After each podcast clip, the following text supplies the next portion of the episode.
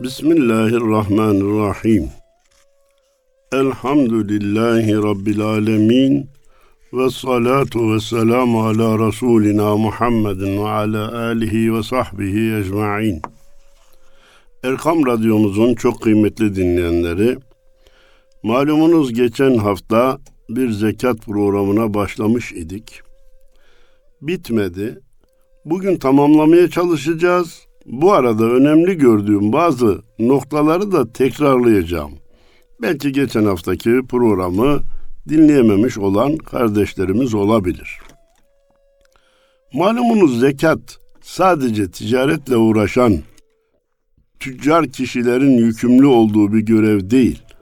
Toprak geliri olanların da hayvancılıkla uğraşanların da vermesi gereken farz bir ibadettir. Toprak gelirlerinin zekatı hesaplanırken bir kere evler etrafındaki bahçelerden elde edilen sebze, meyve, bir erik, iki elma, üç kayısı dallarının ürünlerinden zekat gerekmez.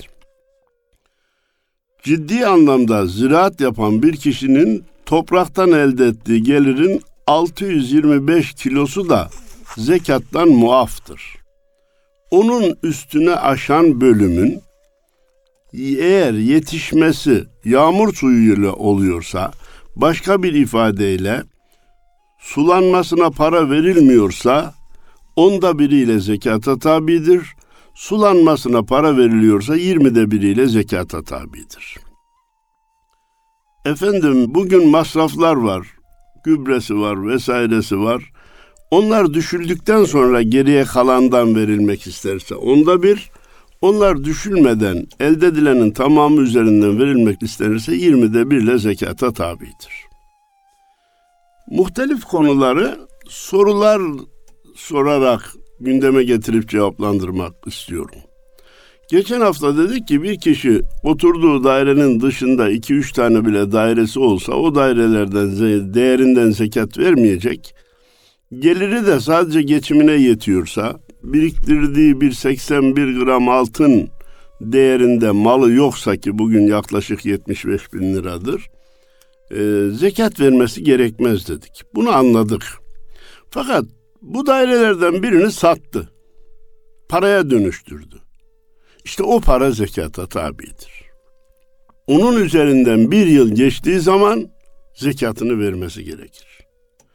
Dükkanı değeriyle zekata tabi değildir. Dükkanı satıp da paraya değiştirmişse zekata tabidir.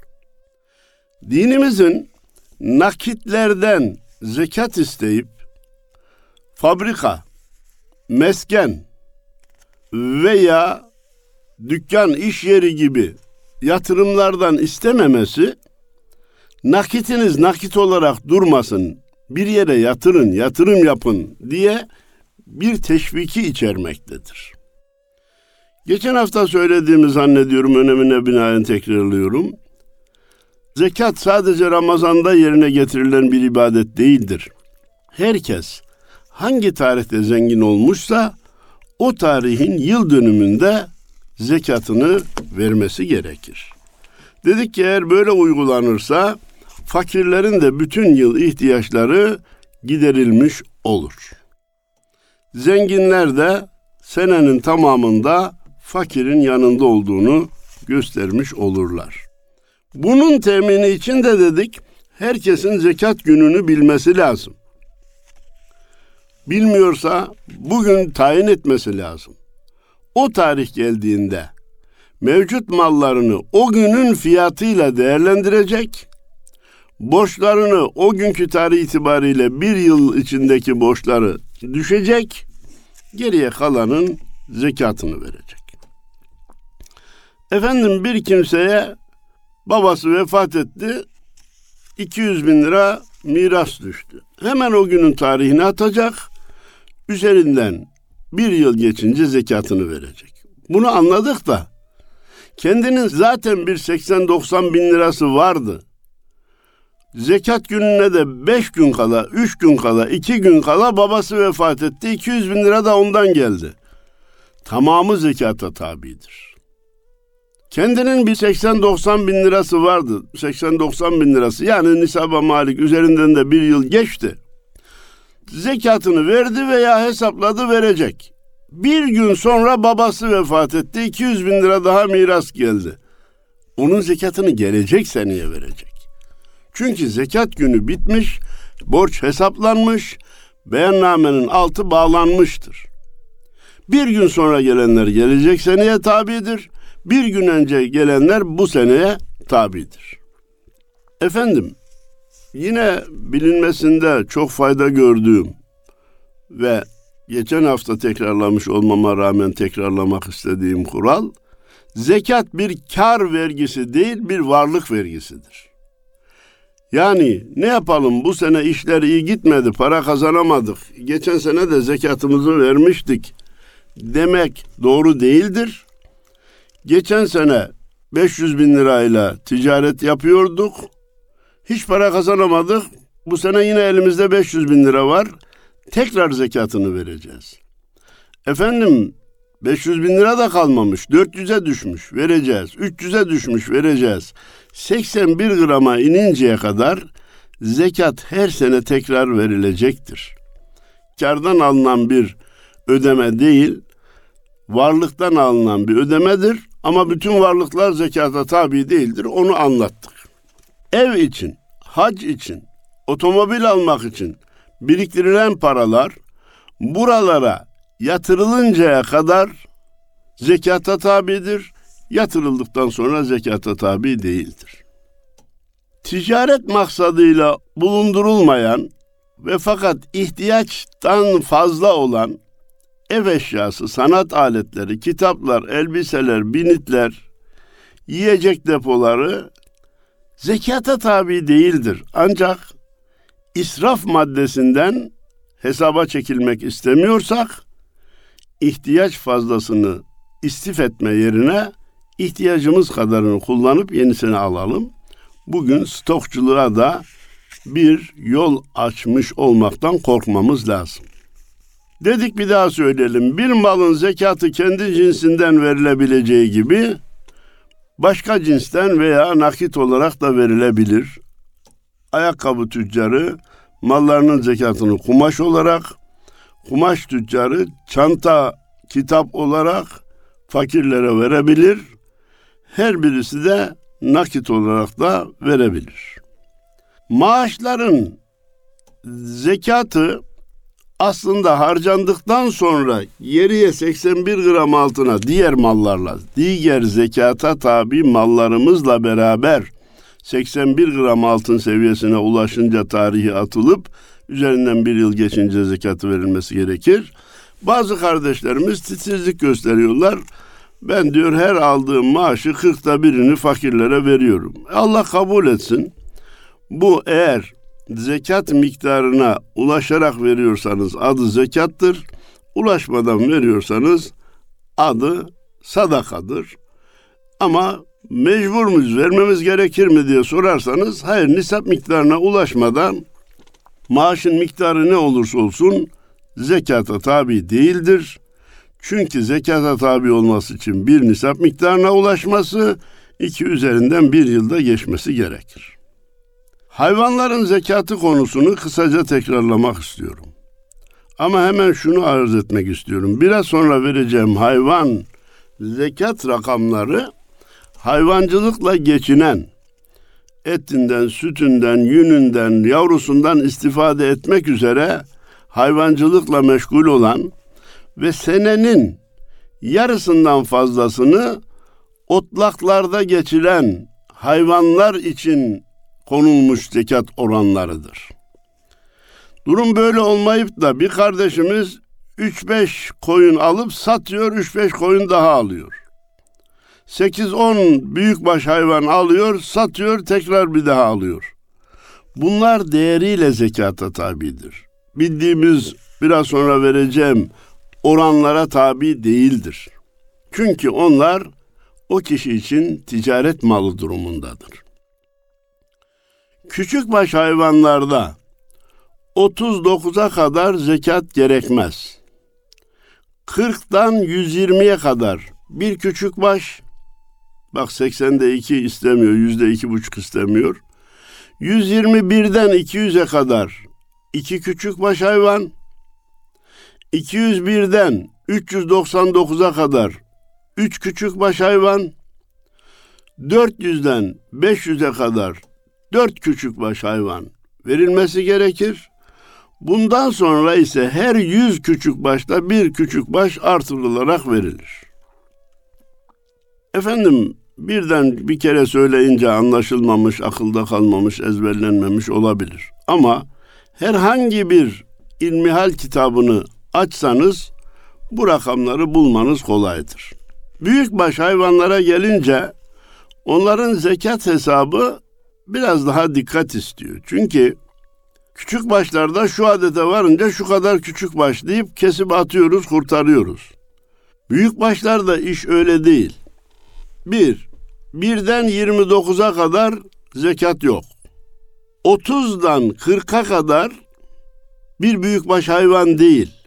2 yaşında bir buzağı, 40'tan 59'a kadar 3 yaşında bir dana, 60 olursa birer yaşını bitirmiş iki buzağı, bundan sonra her 30 sığırda bir buzağı, her 40 sığırda bir dana, 3 yaşını bitirene dana deniliyor. Artırılarak zekat verilir. Bu konuda manda da sığır cinsindendir. Memleketimizde pek deve yok desek bazı bölgelerde vardır. Birden dört deveye kadar zekat yok. Beş deveden dokuz deveye kadar bir koyun zekat verilir. On deveden on dört deveye kadar iki koyun zekat verilir. On beş deveden on dokuz deveye kadar üç koyun, 20'den 24'e kadar dört koyun, 25'ten 35'e kadar iki yaşında bir dişi deve. Bakın 25'ten 35'e varıncaya kadar kendi cinsinden değil koyun cinsinden isteniyor. 25 ila 35 arasında ise devenin adedi 2 yaşında bir dişi deve zekat olarak verilir. Devamı için de kitaplara bakmak lazım. Efendim, mesken yapımını teşvik ediyor dedik bizim dinimiz.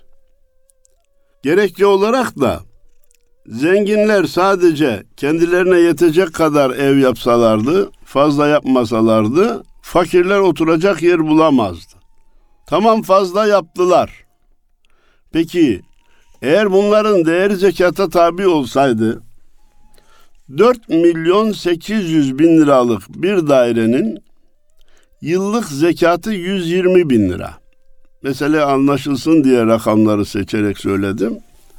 120 bin lira demek ayda 10 bin lira demek. Eğer bu kişi bu dairenin değerinden zekat verecek olsa diyecek ki yılda 120 bin ayda 10 bin lira bunun zekatı var. Ben bunu 20 bin liradan vereyim ki 10 bin lirası da bana kalsın. 20 binden verdiği 10 bin yerine 20 binden verince biz zekatı kiracının cebinden almış olacağız. Zekat kiracıdan çıkmış olacak. Kiracı ki evini alamayacak, maddi durumu iyi olmayan kişi demektir. Efendim, bunun için dedik ki fazla daireler, dükkanlar, fabrikalar değeriyle zekata tabi değildir.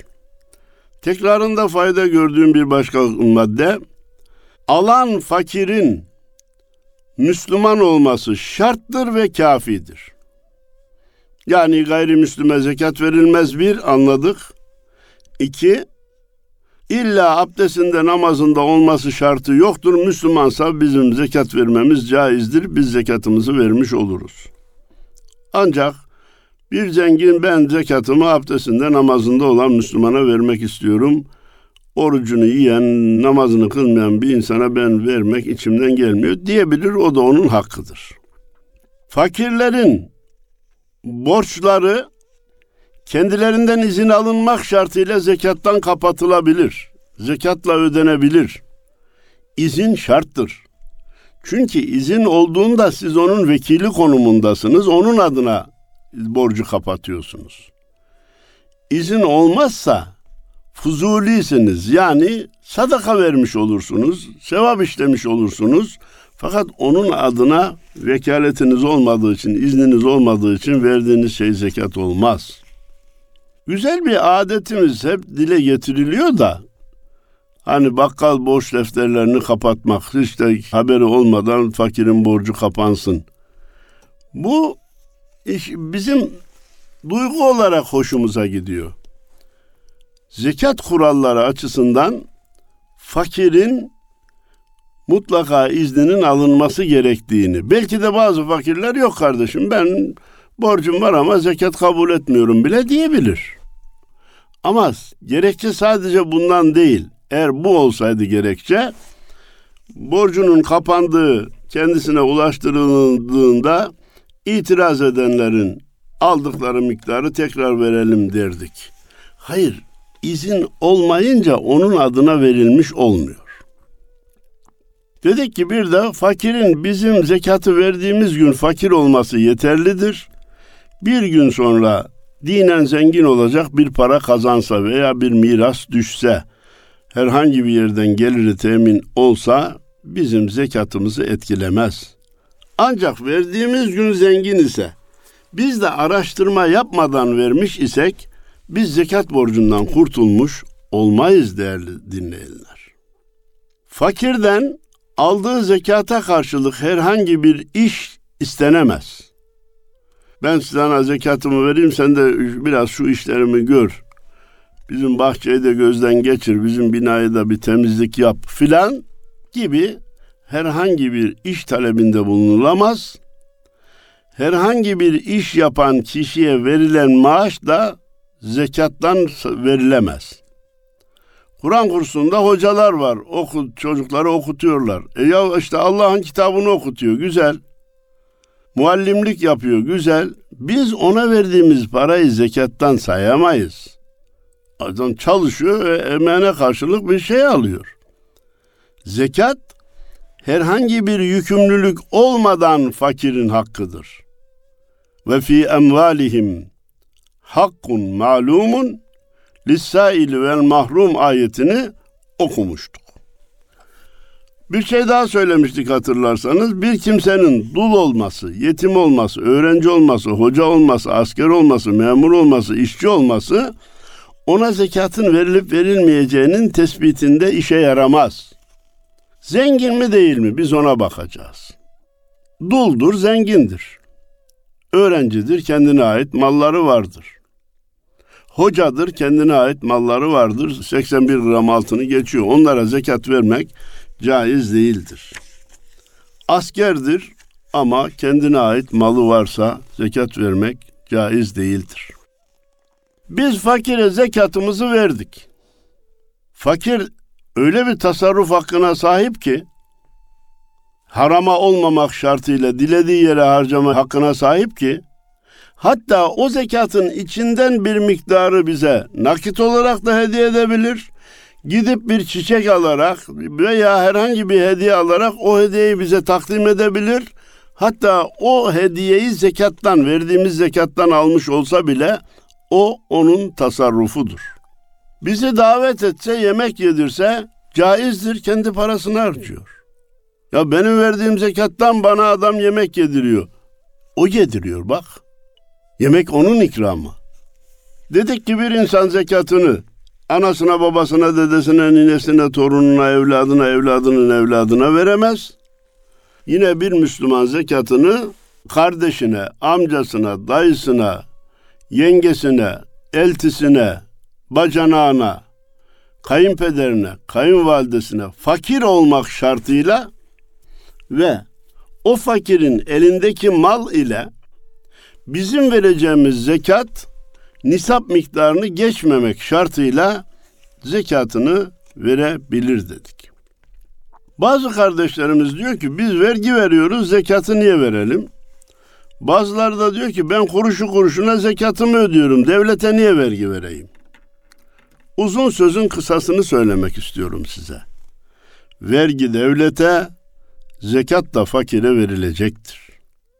Efendim, devletin İslami esaslara göre hareket etmediğini biz de biliyoruz.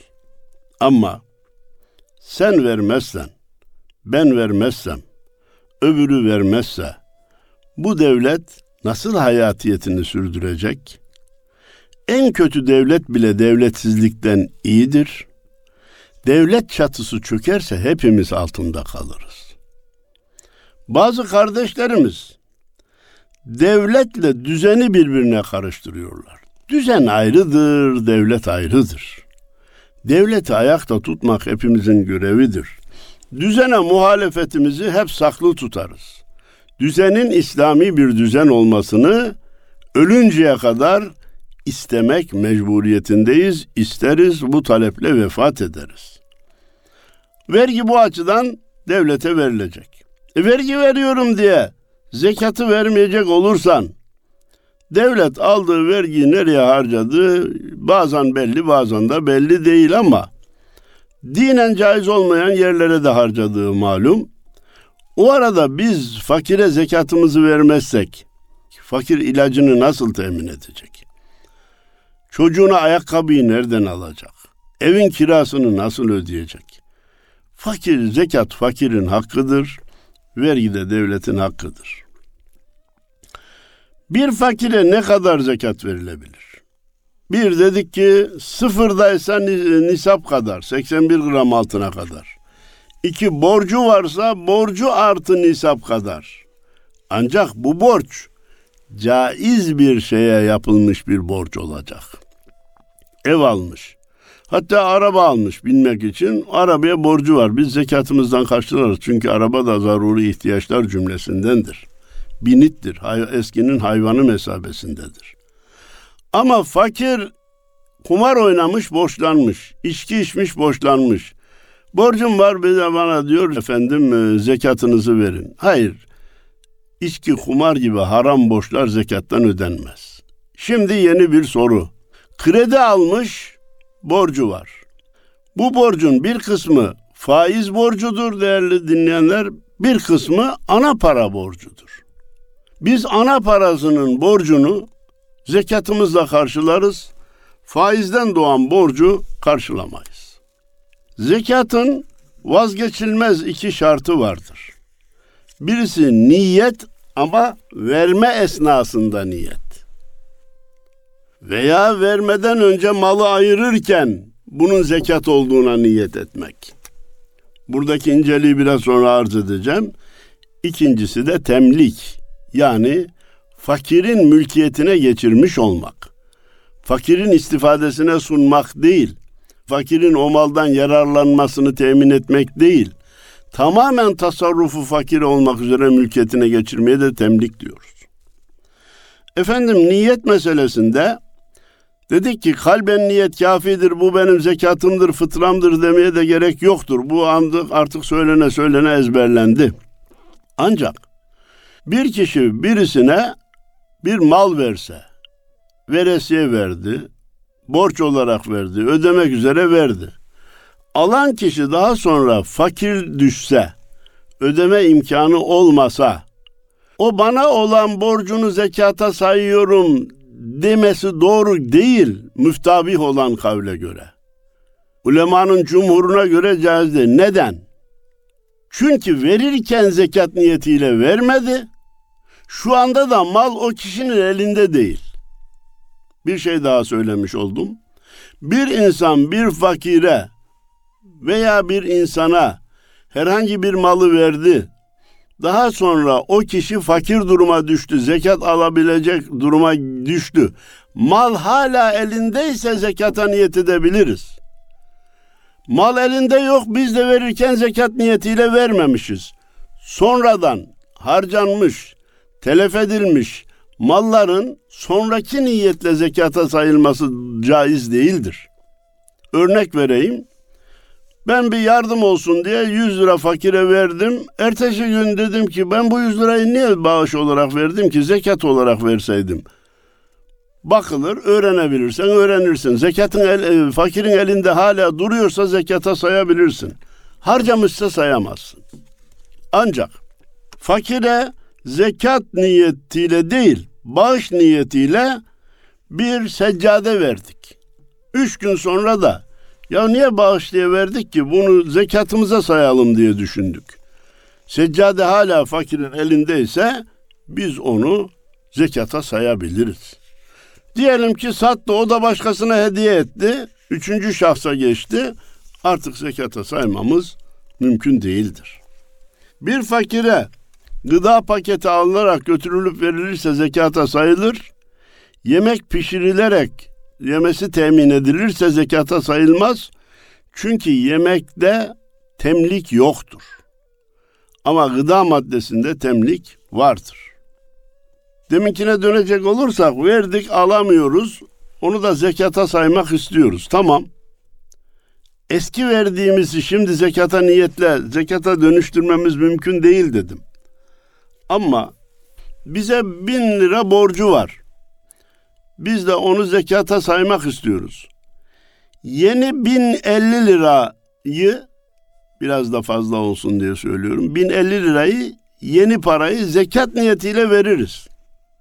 Aldınca biz zekatımızı vermiş olduk. Kardeşim borcunu öde. Madem elinde olmadığı için ödeyemiyordun, şimdi elinde para var öde.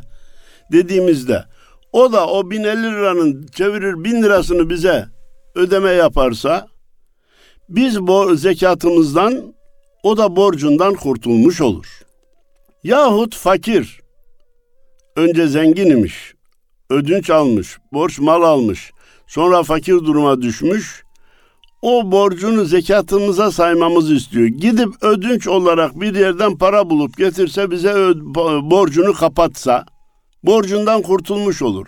Biz de o parayı ona yeniden ve zekat niyetiyle verirsek biz de zekatımızı vermiş oluruz. Malumunuz mali ibadetlerden birisi zekat iken diğeri de sadakayı fıtırdır. Sadakayı fıtır ve kurbanın zenginliği hesaplanırken şu mal tabi bu mal tabi değil diye ayrım yapılmaz. Bir insanın varsa evi, içinde kullandığı eşyası, varsa otomobili hariç tutularak, hesap edilmeyerek, geriye kalan menkul, gayrimenkul, bağ, bahçe, tarla ne varsa, zinet eşyası veya madeni süs eşyası, her neyi varsa, toplandığında 81 gram altın ki bugünün parasıyla 75 bin lira tutuyorsa o kişi sadece kendisi değil buluğa ermemiş çocuklarının da fıtrasını vermekle yükümlüdür. Ama kişi eşinin zekatını fıtrasını vermekle yükümlü değildir. Herkesin hesabı şahsi yapılır. Eşi de dinen zengin ise fıtra verir. Dinen zengin dediğimizi tarif ettik. Efendim eşimin evi yok olmayabilir. Eşyayı ortak kullanıyoruz. Zaten biz onu saymadık. Otomobili de yok. Olmayabilir. Kendine ait, tasarrufu kendisine ait olan bir 75 bin lirası veya 75 bin liralık gayrimenkul malı var mı? Varsa o da fıtrasını verecek. Yoksa fıtra vermesi vacip değil. Bizim Anadolu'muzda vacip olsun olmasın canım ben de vereyim diye verenler olur. Allah kabul etsin bildiğimiz sadaka olur. Fıtra olmaz. Fıtra ona vacip değildi çünkü. Bir evde eşler ve buluğa ermiş çocuklar kendi fıtralarıyla yükümlüdür. Ama baba, evin reisi veya maliye işlerine bakan anne bütün ev halkının fıtralarını verse caizdir. Vermek mecburiyetinde değildir demek başka, verebilir mi demek başkadır. Verebilir, verse geçerlidir. Sadakayı fıtırlar, Diyanet İşleri Başkanlığı'nın açıkladığı rakam asgari rakamdır. Yani bundan aşağı olmasın demektir. Bunun üstlerine çıkınca herkes kendi mutfağında bir aylık harcamasını hesap edecek. Hane halkı kaç kişi ise ona bölecek. Bir günde yapılan harcama yediğimiz neyse o miktarı fakire fıtra olarak ulaştıracağız. Bu hesaplar yapıldığında kimi 40 liradan verecek, kimi 100 liradan verecek, kimi de 500 liradan verecek. Herkes kendi harcadığına göre fıtrasını verecek. Çok önemli olduğuna inandığım bir başka noktayı dikkatlerinize sunmak istiyorum. Bir Müslüman fıtrasını asgari olan 40 liradan vermeye düşünürse, maddi durumu ona müsaitse bu fıtrayı birden fazla fakire bölemez. Çünkü bu fıtranın hesabı bir fakirin sabahlı akşamlı doymasıdır. İkiye bölersek ikisi de sabahlı akşamlı doyamamış olur. Ancak bir zenginin, Müslümanın maddi durumu çok iyi de fıtrasını 100 liradan veriyor, 200 liradan veriyor, 500 liradan veriyor. Her biri 40 liradan aşağı olmamak üzere bunları fakirlere bölebilir. Çünkü verdiği her bir miktar bir fakirin ya da bir kişinin sabahlı akşamlı doymasına kafi gelmektedir. Efendim 40 lirayı bazı kardeşlerimiz düşük bulabilirler. Ha gönül ister fakire daha çok verilsin, zenginler daha çok tasattukta bulunsun. O ayrı bir şey. Hukuk ayrıdır. Kişilerin arzularına, diyanetlerine bırakılmak ayrıdır. 40 lirayla bir kişi sabahlı akşamlı doyar mı? Doyar. Efendim biz lokantaya gidince 300 lira 500 lira hesap ediyoruz kardeşim. Duygusal davranmanın gereği yok. Doymak başkadır, lüks başkadır, israf başkadır.